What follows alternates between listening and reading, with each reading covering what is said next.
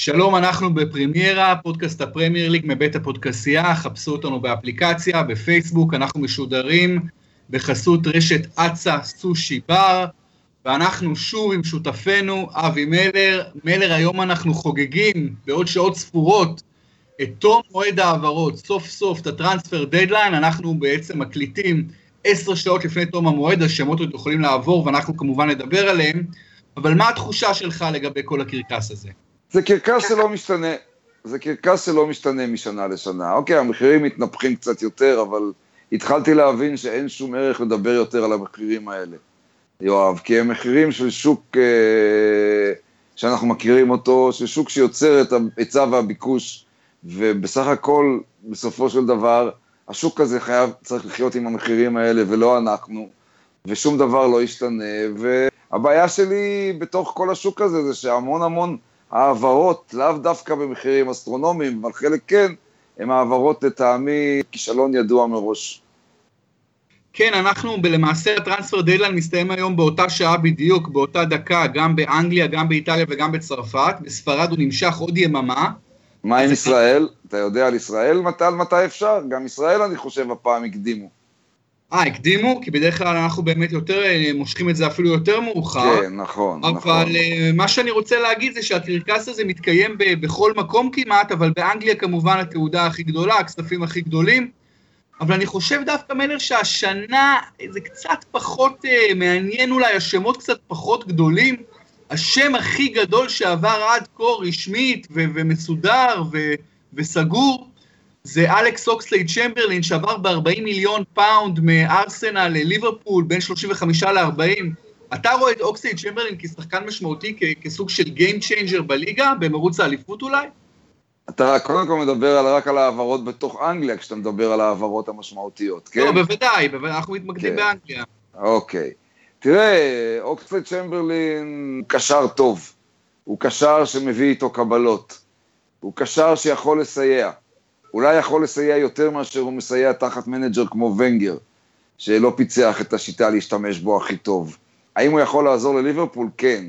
האם המחיר שלו 40 מיליון סביר? כן. הוא גם כדורגלן אנגלי, הוא גם בינלאומי, הוא גם עם רקורד, והוא גם, אה, זה במחיר, בסחרחרת מחירים שדיברנו עליה, אה, זה לא הרבה מדי כסף. ברור שלך ולי אנחנו יכולים לגחך על זה ששחקן כזה עולה 40 מיליון, אבל היום 40 מיליון זה לא דבר בשמיים בכלל. כשמשלמים על אה, נאבי קייטה, שיגיע בעוד שנה משהו בין אה, 50 ל-60 מיליון, אז אה, אוקספלד צ'מברלין המוכח, כישרון מוכח לחלוטין, ההעברה הזאת נראית בעיניי סבירה לחלוטין, במיוחד אם מהעבר השני קוטיניו יעבור באמת ב-150 מיליון, פי שלושה וחצי או פי ארבעה כמעט מאוקספלד צ'מברלין, הוא לא פי ארבעה טוב ממנו. אה, כן, מעניין עדיין לראות מה יהיה עם קוטיניו, כי אנחנו יחסית, זה שחקן שכמעט לא מדברים עליו, לפחות לא בידיעות תקשורתיות, כשחקן שיעבור אה, ברגע האחרון, אבל כמובן שזה עדיין יכול אה, לקרות. ותשמע, כשמדברים על 40 מיליון, צריך לחשוב מה ליברפול יכולה להביא מרחבי העולם, כי היום הרי רכישות הן מכל העולם, בסכום הזה, אז כמובן, כמו שאתה מציין, הוא שחקן אנגלי, וזה נותן לו פרימיום, אבל תראה, מדברים על אמרה צ'אן, הקשר בעיניי המצטיין של ליברפול, כ... כשחקן שאולי יעזוב ליובה עכשיו, או בסוף השנה, ויובה בינתיים מציעה 23 מיליון פאונד, אז בוא נגיד זה יעלה עוד, אבל עדיין אני חושב שהמחיר של, של אוקס הוא קצת uh, out of context, הוא קצת יותר מדי, ואני גם מסכים איתך, הוא שחקן שמביא איתו יכולות, הוא לא שחקן uh, כמו קוטיניו, הוא שחקן אחר, ואני חושב בכלל שהוא צריך לנצל אותו כמגן, שחקן עם יכולות האתלטיות והטכניות שלו, ליברפול צריכה דווקא לחזק את uh, אגף המגנים, ואני הייתי מנסה דווקא לשים אותו שם, למרות שזה כנראה לא הולך לקרות, לפחות לא בשלב זה. אבל בואו נדבר קצת על השמות האחרים, כי באמת השמות הרלוונטיים, וירג'יל ונדייק, אלכסי סנצ'ז, רוס ברקלי, ג'וני אבנס, ריאד מחרז, דרינק ווטר, רנטו סנצ'ז, קריחוביאק, תומא למר, פרננדו יורנטה, תומר חמד. מה מהשמות האלה באמת אתה אומר משמעותי ו- וכנראה עובר ו- ויכול לשנות uh, כללי משחק? קודם כל, איך, יצא, איך הוצאת מהנפטלין את uh, ג'וני אבנס? וואו, הוא מאושר, הוא חזר לרשימת שמות שמזכירים אותם. הוא משהו סיטי כנראה, כן, שמע. הביקוש שלו מעולם לא היה גבוה יותר בבלם הזה. זה, כן, זה באמת מאוד מאוד מוזר, אני, אני עדיין ארים גבות גדולות מאוד אם הוא יגיע למנצ'סטר סיטי, מאוד גדולות, אז כן? בוא נעבור שם כש- שם. כשיובנטוס, מביאה את בנדיקט הוודס, אני מבין את זה, שחקן נבחרת גרמניה. כשמדברים על הקאמבק של ג'וני אבנס, וואו. אה, ככה, אני חושב שההעברות המופרכות ביותר מהשמות שהזכרת הן אה, של אה, ג'וני אבנס, אם וכאשר, של פרננדו יורנטה, שלכאורה כרגע ביום חמישי אחר הצהריים, צ'לסי וטוטנאם נאבקות על השירותים של החלוץ הספרדי הזה, שאני חושב שלא יכול אה, להועיל אה, להן כלל וכלל, אה, וקשה לי לראות אותו. נכון שבסוונזי הוא עשה כמה דברים יפים, אבל הם היו מאוד ספורדיים, ואני חושב שימיו הגדולים מאחוריו, והוא יותר סוג של החלוץ עבר, המגושם, חלוץ מטרה עם משחק ראש מצוין, אבל עדיין, עדיין לא מה שצ'לסי וטוטנאם צריכות. אולי קבוצה קטנה, כן, שמשחקת כדורגל יותר של בעט ורוץ, לא יודע, לא נראה לי יורנטה, ממש לא נראה לי. בוא, קודם כל לגבי יורנטה, אה, אה, תשמע, זה שתי קבוצות אה, צמרת שמתחרות על שירותיו, אמנם בסביב מחירים של 15 מיליון פאונד, פתאום זה נשמע זול באופן כללי, אולי זה לא זול לגבי יורנטה, ואני מסכים איתך, באמת סוג של חלוץ עבר, לפחות סגנונית, אבל תשמע, לספיירס יש בעיה באגף החלוצים, ובאופן כללי, קבוצות מחפשות חלוצים, אף פעם אין מספיק חלוצים טובים, ותראה שחקן כמו יורנטה מתחרות עליו בשתי קבוצות גדולות. בוא, בוא נעבור לאלכסי סנצ'ס. אני אומר לך שאם טוטנאם תקנה אותו, היא תעשה שחזור של עוד חלוץ ספרדי שהיא חשבה שיפתור לה את כל הבעיות, והיה פלופ גדול, רוברטו סולדדו. כן, אבל מביאים אותו בחצי מחיר אה, הפעם, ומביאים אותו כסוג של מחליף וסוג של אופציה סגנונית שונה, אולי יעלה מהספסל, הרי בינתיים יש רק את הארי קיין שהוא בנקר, אז אני לא יודע מבחינת הספיירס אם זו רכישה כל כך גרועה. בוא נעבור לאלקסיס, אה, מלר, מדברים כבר על 60 מיליון פאונד, הרי ארסנל אומרת לא ולא ולא ולא, וסיטי רוצה אותו כל כך. עוד פעם, אה, עוד פעם עניין של באמת ביקוש, ביקוש אדיר לחלוצים, נכון? קודם כל זה כבר צמח ל-75 מיליון וואו. פאונד, וזה מחיר סביר במפה הסינופטית הזאת. 75 מיליון עבור אלכסיס סנצ'ס זה מחיר סביר. כמו שאמרת, אם אוקסלייד עולה 40 ואם ניימאר עלה 222 אה, מיליון יורו, אז אה, אלכסיס סנצ'ס בתוך כל המשוואה הזאת, זה לא כזה עניין גדול, 75 אה, מיליון. אני מבין אבל שארסנל עושה את כל הניסיונות להשאיר אותו. אם הוא לא יישאר בארסנל, כל קבוצה שתיקח אותו תרוויח בגדול, גם ב-75 מיליון.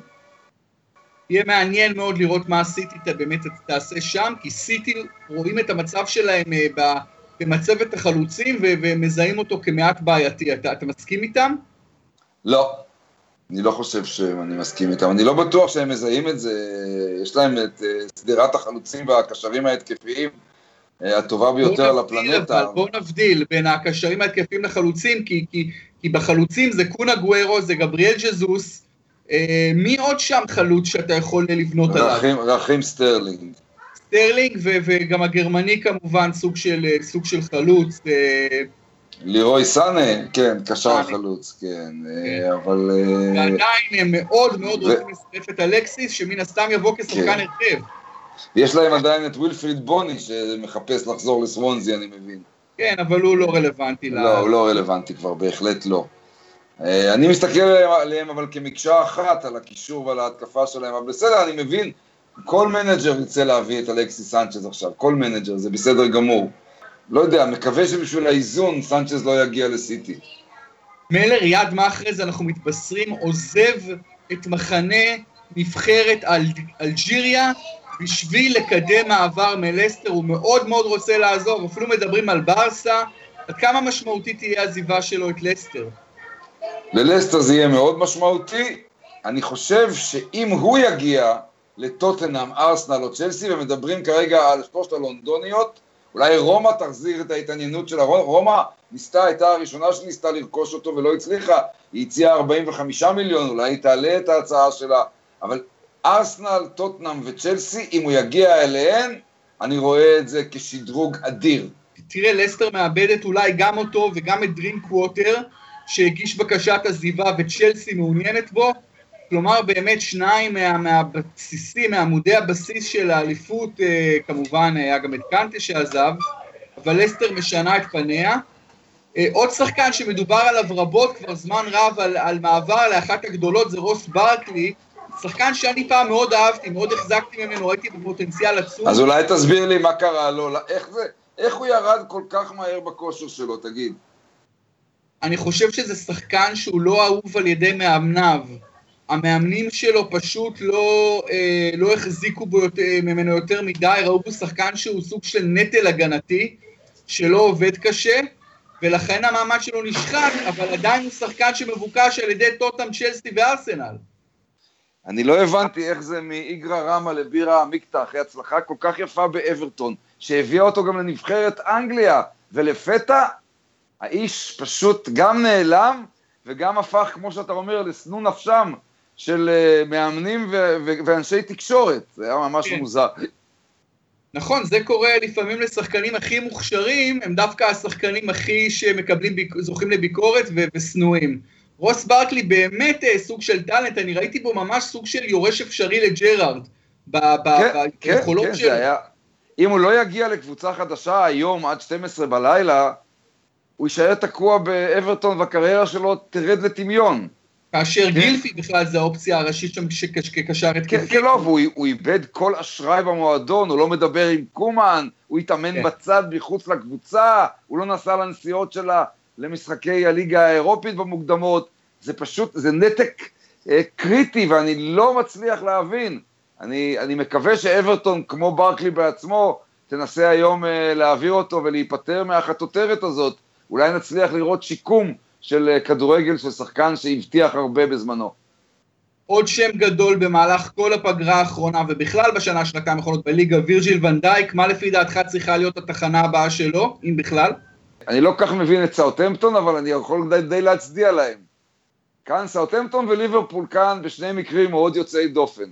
ליברפול אומרת שקוטיניו לא ילך לשום מקום בשום מחיר, ולמרות ההתעקשות שלו על העברה ולמרות הנתק, אומרת, אנחנו לא מוכרים. כך קרה עם סאוטמפטון, אני מבין שסאוטמפטון הבוקר הוציאה הודעה רשמית לעיתונאים בסאוטמפטון, שוורג'יל ונדייק לא זז.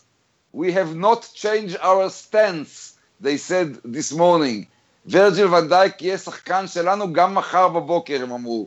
עכשיו, אתה יכול אה, להעריך מאוד מאוד את העמידה העיקשת הזאת, מצד שני, אתה יכול לחשוב שאולי זה ישתבש להם, כי להשאיר שחקן שכל כך לא רוצה להיות, אחרי, אחרי סכסוך, אה, צריך לרדת לעומקה של ההחלטה הזאת ולהסתכל עליה אולי קצת אה, בעוד חודשיים בדיעבד.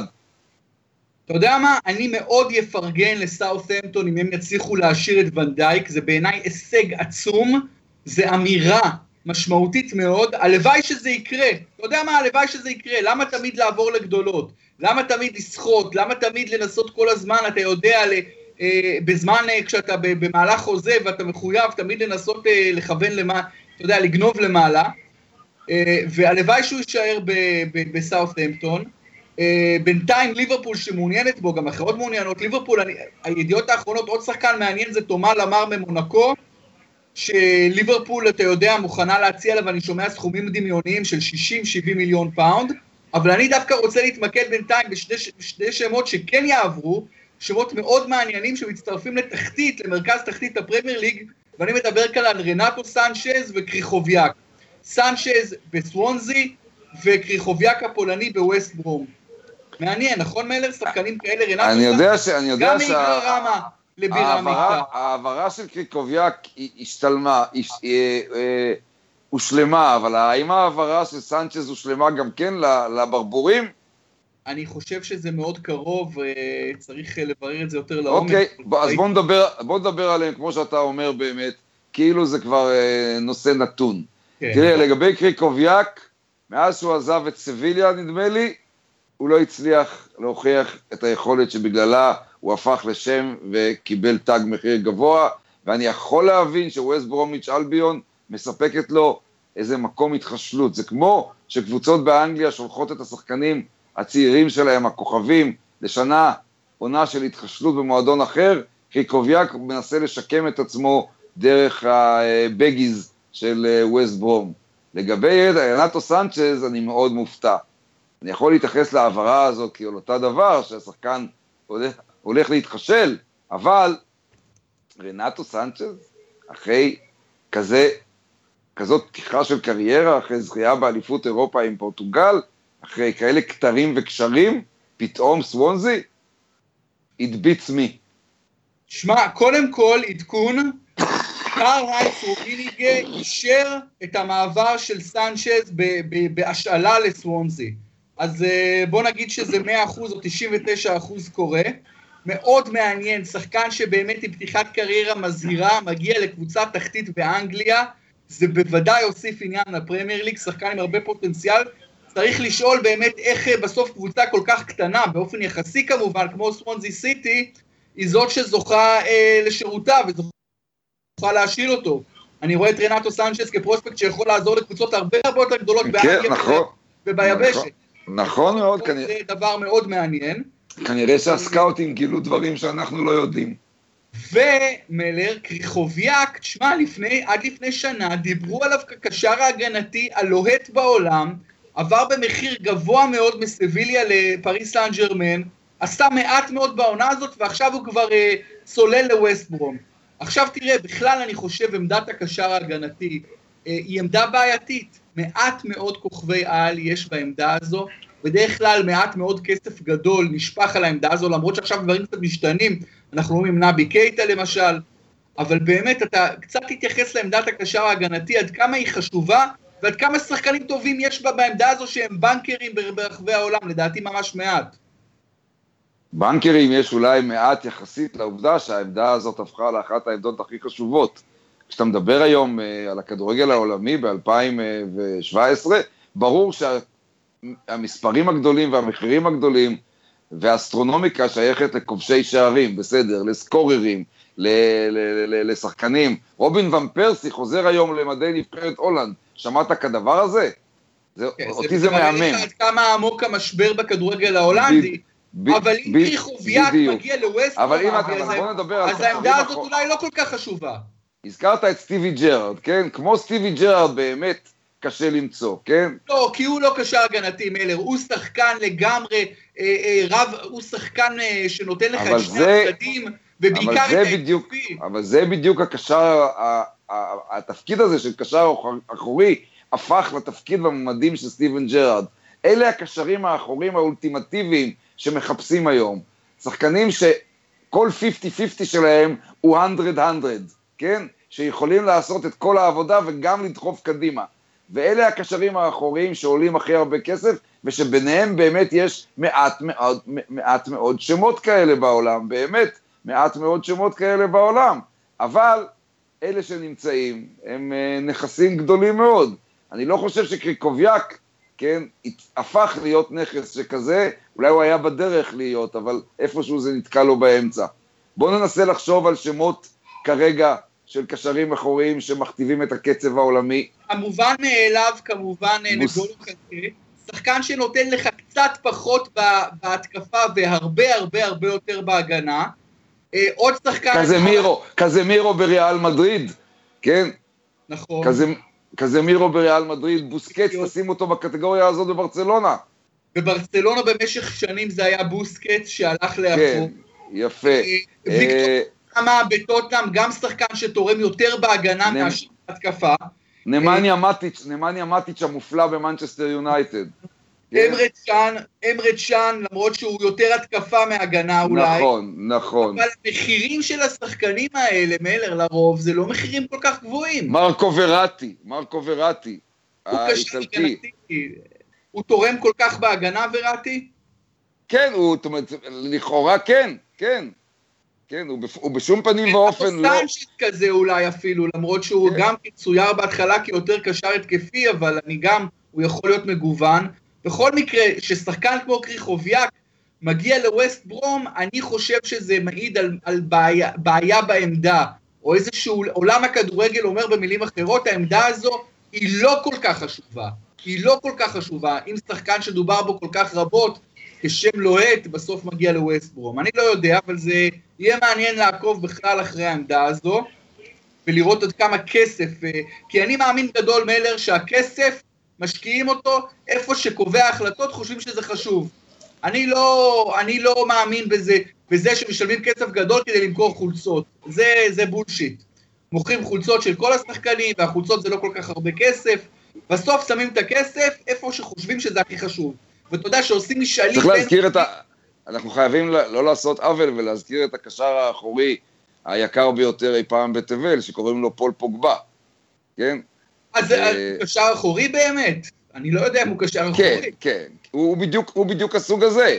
הביאו את מאטיץ' ליונייטד כדי לשחרר את פול פוגבה למשימות התקפיות. נכון, שיעשה יותר עבודה התקפית, כן? אבל... כי אתה לא משלם מעל 100 מיליון פאונד על שחקן שעושה רק הגנה, עם כל הכבוד. נכון, וזה הדמות הנוכחית של הקשר האחורי, של התפקיד הזה, שהוא הפך ליהלום ונכס, נכון. בדיוק. תראה באיטליה, איטליה, איטליה ארץ ההגנה וארץ הקלצ'ו והכל, והקשרים האחוריים הם כל כך, כל כך, כל כך קריטיים בכדורגל האיטלקי. אנדריאה פירלו, כן, גם אותו תגידי שהוא היה טיפה יותר התקפי, נכון? אבל, אבל, אבל אפשר לשים אותו, את אנדריאה פירלו, אה, בקטגוריה של הקשר האחורי. אז אבי, בוא נעשה, בוא נדבר על ההבדל בין פירלו לקנטה, כי הם שניהם כביכול, לפי מה שאתה אומר, הם שניהם שחקנים באותה עמדה, ותראה עד כמה הם שונים במהות, אז לפי דעתי זה טעות להתייחס אליהם, זה קשר הגנתי וזה קשר הגנתי, כשהם מביאים לשולחן דברים כל כך שונים. זה לא טעות, כי יש לך היום באינטר למשל את בורחה ולרו ואת מטיאס וסינו. שניהם הגיעו יחד מפיורנטינה. הם הדוגמה הכי טובה לשני קשרים הגנתיים, או סליחה, אסור לקרוא להם קשרים הגנתיים, כי זה באמת מבלבל. צריך לקרוא להם קשר אחורי, כן? אה, כן. באנגלית בכלל קוראים לזה סנטרל מידפילד, כמעט ואין להם באנגלית את המושג הזה של קשר אחורי. אתה כן? גם לא מסיק מה, מהמושג הזה הגנתיות, נכון. נכון, וסינו ובור... וסינו ובורחה ולרו הם שני שחקנים שונים לתכלית ואופי, וסינו הרבה יותר הגנתי, ובורחה ולרו הרבה יותר התקפי. ובכל זאת, שניהם הם הקשרים האחוריים של אינטר.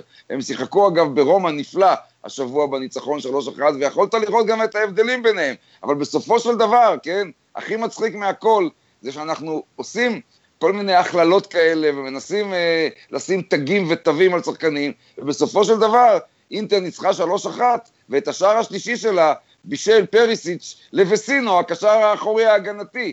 זה הכל, אז גם הדברים האלה מאוד דינמיים. אתה מוביל אותי לנקודה באמת שבכדורגל של היום, לא רק של היום, אבל אולי בעיקר של היום, אנחנו באמת מדברים על סוג של... רוצה שכל שחקן יוכל לעשות כמעט כל דבר, ואתה צריך לקבל הגנה היום מכל הקבוצה שלך. תראה עד כמה ליברפול עושה את זה באופן יפה ומוצלח. ולא רק היא. אתה צריך לקבל הגנה, אז באמת אתה צריך שגם הקשר הכביכול, הקשר האחורי שלך, גם יתרום רבות בהתקפה. ולכן, אתה יודע, אתה צריך לקבל ממנו הרבה מאוד, כי ההתקפה לא פחות חשובה מההגנה, כי הגנה אתה מקבל מכל שחקן בהרכב, אתה אמור לקבל הגנה. אז שחקן כמו רחוביאק, שלא תרם מספיק בהתקפה, נהפך לפרסונה נון גרטה בפריס סן ג'רמן, פשוט מאוד. יפה, איזה כיף, אתה מחזיר אותי לזה, לימי רינוס מיכלס והטוטל פוטבול. זה בדיוק מה שהקבוצות הכי טובות יכולות לעשות. נכון, נכון, ולכן אני לא חושב שמופרך לדבר אגב, על... אגב, וליברפול... מגן פוטנציאלי. היום מגנים עוד עמדה די בעייתית בעולם הכדורגל. מעט מדי מגני על, מעט מדי מגני סופה, מעט מדי מגביעים מעולים, Uh, המחיר שלהם, אתה יודע, מאמיר, כי באמת הם uh, נאמד במיליונים, כי, כי, בעשרות מיליונים, כי אין מהם מספיק, ולכן אתה צריך לקחת לפעמים שחקנים uh, התקפיים לכל דבר, uh, חצי חלוצים, ולהפוך אותם למגינים, כמו שאני חושב שצריך לעשות עם, uh, עם אוקס. אוקיי, קונה. אוקיי. אני חושב, אני חושב שזה יפה לסיים את הדיון עם זה. נסיים, כן, עוד שחקן שאולי יעבור הערב ואולי לא, זה תומר חמד, ראיתי סוג של, ראיתי אוהד אה, ברייטון בגרדיאן, מעלה תומר חמד כסוג של אפשרות לעזיבה, והוא אמר צריך מאוד להתחזק בחוד, אז עוד פעם, זה מעניין לראות אם תומר חמד אכן יעזוב, לאן הוא יעזוב, ואולי כדאי לו לעזוב מלר, כי אולי הוא לא יקבל מספיק הזדמנויות בברייטון, למרות שזו קבוצת פרמייר ליג ואתה תמיד רוצה להיות בפרמייר ליג. מה דעתך לגבי תומר חמד והמשך הקריירה שלו? מה דעתך, נותנים היום 1 ל-5,000 בסוכניות ההימורים באנגליה, על זה שברייטון לא תבקיע אף שער העונה. כדאי לשים איזה פאונד? 1 ל-5,000? לא כדאי כן. לשים. לא. לא כדאי? אני רואה את זה כאפס אחוז סיכוי, אפילו לא 0.0001, אבל אתה יודע, אתה יודע, זה יהיה מעניין. תשמע, אין ספק שיש להם, אתה יודע, יש להם מצוקת אה, חלוצים ומצוקת סקוררים בקבוצה הזו.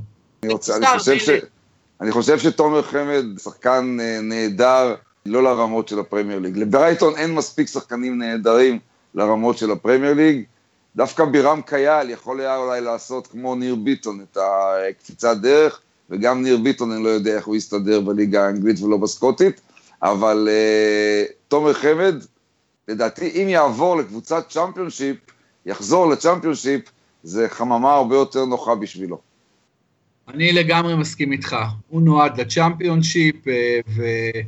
ובאמת, אתה דיברת על הישראלים, כל הישראלים למעשה קצת נעצרו, למרות שחמד עשה דבר מאוד מרשים, זה שחקן שלפני כמה שנים שיחק עדיין באחי נצרת, והוא הגיע לגבהים באמת עצומים מבחינת ה- ה- מה שחשבו שהוא יכול להגיע, אבל בירם קייל עם הפציעות, וניר ביטון גם באופן מסוים, ממש נעצרו, שניהם בעמדת הקשר האחורי, שמחזיר אותנו, גם הם איבדו מהמניות שלהם. אה, ואני חושב שדי סיכמנו את עניין הטרנספר דדליין, שוב אה, נדבר על העניין שתראה הדבר הזה נמשך. אתה רוצה לשמוע, אבל אתה רוצה לתת למאזינים שלנו לפחות איזה פיקנטריה קטנה? תמיד. איזה סיפור ווידוי? לפני שבע, לפני שבע שנים, נדמה לי שבע שנים, אל תתפסו אותי במילה, כשתומר חמד עזב את ישראל ועבר לספרד, כן? זה היה כשהוא עבר למיורקה, נכון? הקבוצה כן. הראשונה שלו. הוא צלצל אליי ואמר לי שיש לו שתי הצעות על השולחן, מיורקה וריינג'רס בסקוטלנד, ושאל אותי לאן ללכת, מה אני חושב שיותר טוב. כלומר, מעשית הוא רצה לשאול אותי על ריינג'רס. כן. ברור לך, ברור לך מה אמרתי לו. רצה שתמכור לו את ריינג'רס. נכון. ברור לך מה אמרתי לו. מכרת לו את ריינג'רס. ברור, שלא יעז ללכת לספרד. אה, שילך לכדורגל הבריטי. לא תמיד אנחנו צודקים, מלר, לא תמיד אנחנו צודקים. אמרתי לו שמשם הוא יגיע לפרמייר ליג. שמשם כן. זה, זה הקרש קפיצה הטוב ביותר. אתה מגיע לליגה הרביעית בסקוטלנד. כן, אל תעז ללכת. בקיצור, כן, לא רק שהוא לא שמע לי, אלא הוא עשה את ההחלטה הנכונה, אלא שזו החלטה פי מיליון נכונה לנוכח מה שקרה לריינג'רס. גם מיורקה בסופו של דבר התמוטטה, אבל הוא עזב בזמן. כל הכבוד לך, תומר. הוא הספיק, אה, בדיוק, הוא הספיק להרשים שם ולכבוש לא מעט, ולמעשה לבנות לעצמו שם. אבל שוב אנחנו מדברים היום על תומר חמד, אז הוא באמת בתוך איזשהו לימבו. הוא לא ממש רצוי בברייטון, אה, למרות מצוקת החלוצים, ואתה באמת לא יודע לאן הוא יעבור, אני מקווה שיש לו סוכן טוב שדואג לו בהקשר הזה, אבל לא ידוע מה יהיה איתו, או כמו עם עוד הרבה שחקנים אחרים. לא, אבל אתה, אתה עכשיו עשית לו עוול. במשפט הזה הוא לא ממש רצוי בברייטון, זה ממש לא נכון. הוא רצוי בברייטון, הוא לא, במח, הוא לא במחשבה של שחקן הרכב קבוע. הוא רצוי בברייטון, הם יודעים okay. שהוא אוקיי. יכול לתת אולי את התפוקה שלו כשחקן ספסל. אבל אולי הם רוצים ה... להעביר אותו, מילר, אנחנו לא בטוחים נכון, בזה. נכון, יש הערכה לא גדולה כלפיו, אבל הם חושבים שאם יהיה לו ביקוש כרגע, אולי זה יעזור להם להביא חלוץ פרמייר ליג אמיתי. כן, בואו נעבור מחלוץ נבחרת ישראל בכלל לכדורגל הנבחרות. עוד סוגיה כואבת, דיברנו על סוגיה כואבת אחת, שהטרנספר דדליין נמשך כל כך עמוק לתוך העונה, ויוצר כל כך הרבה כאוס, כל כך הרבה התמרמרות של אוהדים בעיקר. אתה מתחיל עונה עם קבוצות שאתה לא יודע שבכלל יהיו איתך עוד חודש. אלכס פרגוסון דיבר על זה השבוע, זה ביזיון וזה חייב, חייב, חייב להשתנות. עוד סוג של ביזיון, אולי יותר קטן, אבל גם משהו שמטריד אותי מדי שנה, זה שכל כך מוקדם לתוך העונה, אנחנו יוצאים לתוך פגרת נבחרות. אה, על מה ולמה מלר, למה הדבר הזה קורה שנה אחרי שנה, מה, מה אפשר לעשות בסוגיה הזאת? אני יכול לדבר על זה שעות, אבל אני אהיה קצר. אני אגיד לך שהשערורייה והסקנדל זה לא שזה קורה בספטמבר. חייבים למצוא את הימים בשנה, ואין לוח שנה מספיק גדול בכמויות של הכדורגל שמשוחקות כיום בעולם, באמת שלא. מה שצריך לעבור, זה צריך לעבור כל הנושא של מוקדמות מונדיאל ומוקדמות יורו, עם 54 הנבחרות האירופיות, צריך לעבור שיפט מוחלט. צריך לעבור שידוד מערכות, מהפכה, תקרא לזה איך שאתה רוצה. לא יכול להיות, אם תסתכל עכשיו על 54 משחקים שעומדים להתקיים בין יום חמישי הערב לבין יום שלישי הבא, כן? 54 משחקים שאני משדר את כולם אגב, ערב-ערב, בערוץ הקיבוץ. אם תסתכל עליהם, מתוך 54 המשחקים האלה, יש משהו כמו חמישה משחקים ראויים. כל השאר זה משחקים שבהם נבחרות קיקיוניות מנסות לעשות או קצת כסף, או קצת, לקבל קצת אשראי, או להשיג קצת אה, מוניטין, ותו לא. לכולם ברור מהרגע הראשון מי תהיה רשימת הנבחרות שתגיע. אז נכון, הולנד עכשיו מגמגמת, וכל קמפיין, בגלל הגרלה מטומטמת של בתים, יש איזה נבחרת או שתיים שלא מגיעות וצריכות להגיע, ושתיים ש... שלא אמורות להגיע וכן מגיעות, זה נבחרות נמושות. אבל מעשית, צריך לפרק את כל העסק הזה ולהפוך אותו לטורניר של 33 הנבחרות הקיקיוניות, או 30, כן, שיתחרו בינם לבין עצמם על ארבעה מקומות בפלייאוף, ואז לקחת אותן עם 20 הנבחרות הבחירות, ולעשות טורניר של 24 נבחרות, אה, ואותו אפשר לעשות בזמן הרבה יותר קצר. אני לגמרי מסכים איתך, גם ההצעה שלך תאפשר הרבה יותר תחושה טובה ותחושה של הישגים וניצחונות לנבחרות קטנות שהיום כמעט לא תואמות מזה בכלל, כי הן משחקות כמעט אך ורק מול נבחרות הרבה יותר גדולות, ובאמת הדבר הזה בסוף יוצר מצב שהאוהד כדורגל הממוצע כבר לא יודע באיזה שלב אנחנו, ההמשכיות של הדבר הזה לא טובה, פתאום אחרי ארבע חודשים ממשיך, אתה לא יודע מי מדורגת איפה, מי בבעיות, מי חם, מי לא חם, מה הסגלים, זה, זה חייב להיות בסוף העונה, לפנות חודש, לקצר את העונה קצת ולפנות חודש לכדורגל נבחרות בסוף העונה, זה ייצור אווירה של קרנבל והרבה הרבה יותר עניין בכדורגל הנבחרות. ולקצר את, וכמובן להפחית את כמות המשחקים הכל כך מטורפת הזאת, אבל בואו נתמקד במשחק הקיקיוני ובנבחרת שלנו, אנגליה תארח את מלטה, ואחרי הרבה הרבה שנים, למרות שגם לפני כמה חודשים... לא, לא, לא, לא, לא, לא, לא, אנגליה לא תארח את מלטה. אני משדר את המשחק הזה מחר, אנגליה יוצאת למלטה. יוצאת למלטה, סורי, יוצאת למלטה, נכון? אחרי זה היא תארח את, אה, את סלובקיה. את סלובקיה. כן. נכון, כמה ימים לאחר מכן.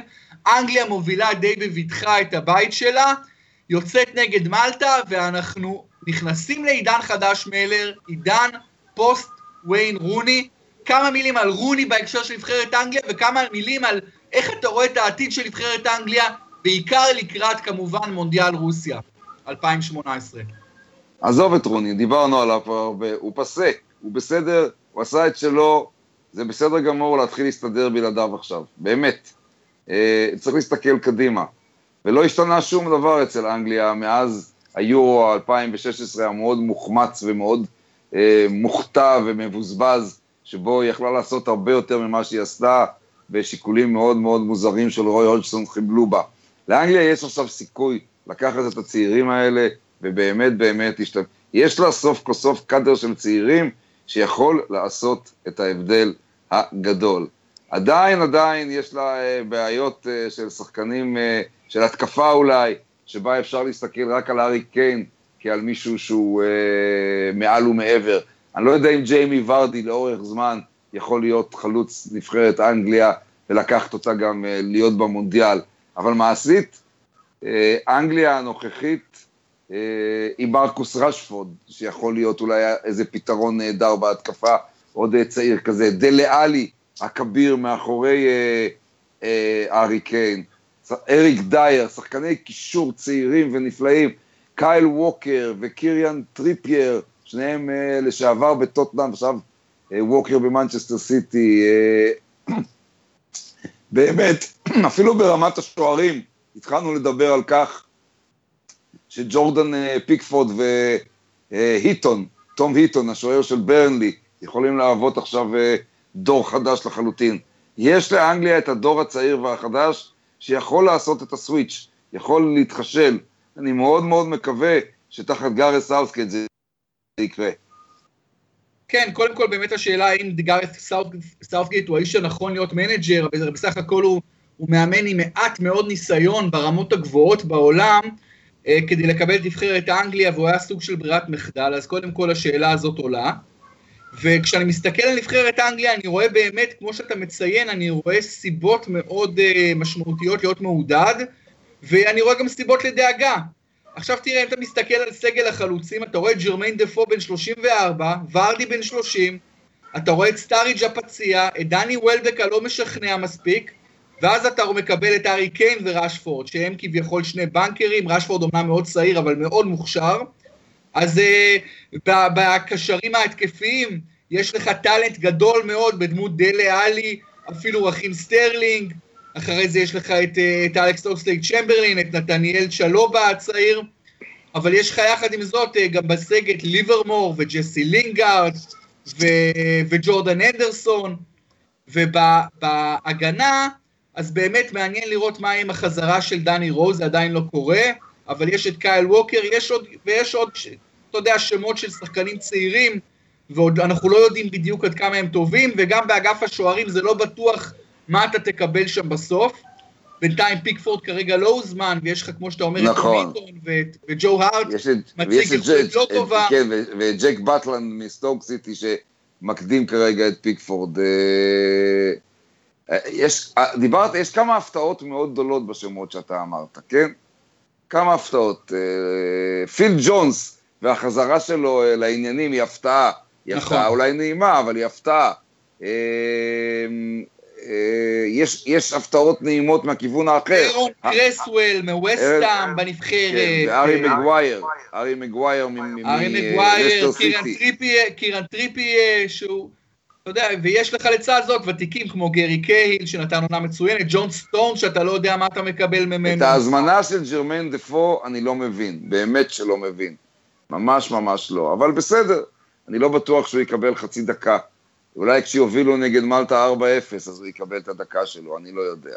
אבל uh, אפילו דניאל סטאריץ' הוזמן לסגל, למרות שהוא uh, בליברפול שחקן שוליים. ובכל זאת, ובכל זאת, בוא נסיים. מבחינת טאלנט, יש באנגליה uh, היום יותר טאלנט מאשר כמעט כל, מאשר, אתה יודע, מאשר כמעט כל נקודה ב-20 שנה האחרונות? כן, טאלנט פוטנציאלי שעדיין יכול להשתייף. כן, ולהתחדד. בוא, בוא, בוא נסיים את השיחה הזאת להיום ונגיד ככה. אה, אנגליה תהיה במונדיאל, היא תעפיל מהבית הזה, בלי בעיות ובלי פלייאוף, היא תעפיל מהמקום הראשון. מה היא תעשה במונדיאל? זה שוב מרתק אותי. אני חושב שיש לה אפשרות הפעם להגיע גם לארבע האחרונות. אני לא יודע אם זה יקרה. אני מסכים עם כל מילה שאמרת. ובוא נקווה שאולי זה יקרה, באמת זה יחזיר התלהבות לכדורגל הנבחרות, זה בטוח. וזה בוודאי ייתן יותר אה, מניות ויותר התלהבות אפילו לפרמייר ליג. אם, אם מחר הם לא מנצחים במלטה, אני מזכיר את השיחה שלנו בשידור, אני אצחק על עצמי. בוודאי. בכל מקרה זה יהיה נחמד אם תזכיר את השיחה ותפנה באמת את הצופים אה, לפודקאסט שלנו, שבאמת אנשים שחולי כדורגל אנגלי, ויש רבים מאוד כאלה אצלנו, שבאמת אה, יאזינו. אז מלר היה תענוג, אנחנו נהיה שבוע הבא עם החזרה המעניינת כל כך לליגה, כל כך הרבה דברים לדבר עליהם, ותודה לכם שהייתם איתנו, ותודה לאצה, רשת, אה, רשת אה, אצה סושי בר שנותנת לנו חסות, ותמשיכו להיות, להיות איתנו בכל העונה עם פרימיירה, חפשו אותנו באפליקציה ובפייסבוק ברשת הפודקסייה. תודה רבה ולהתראות.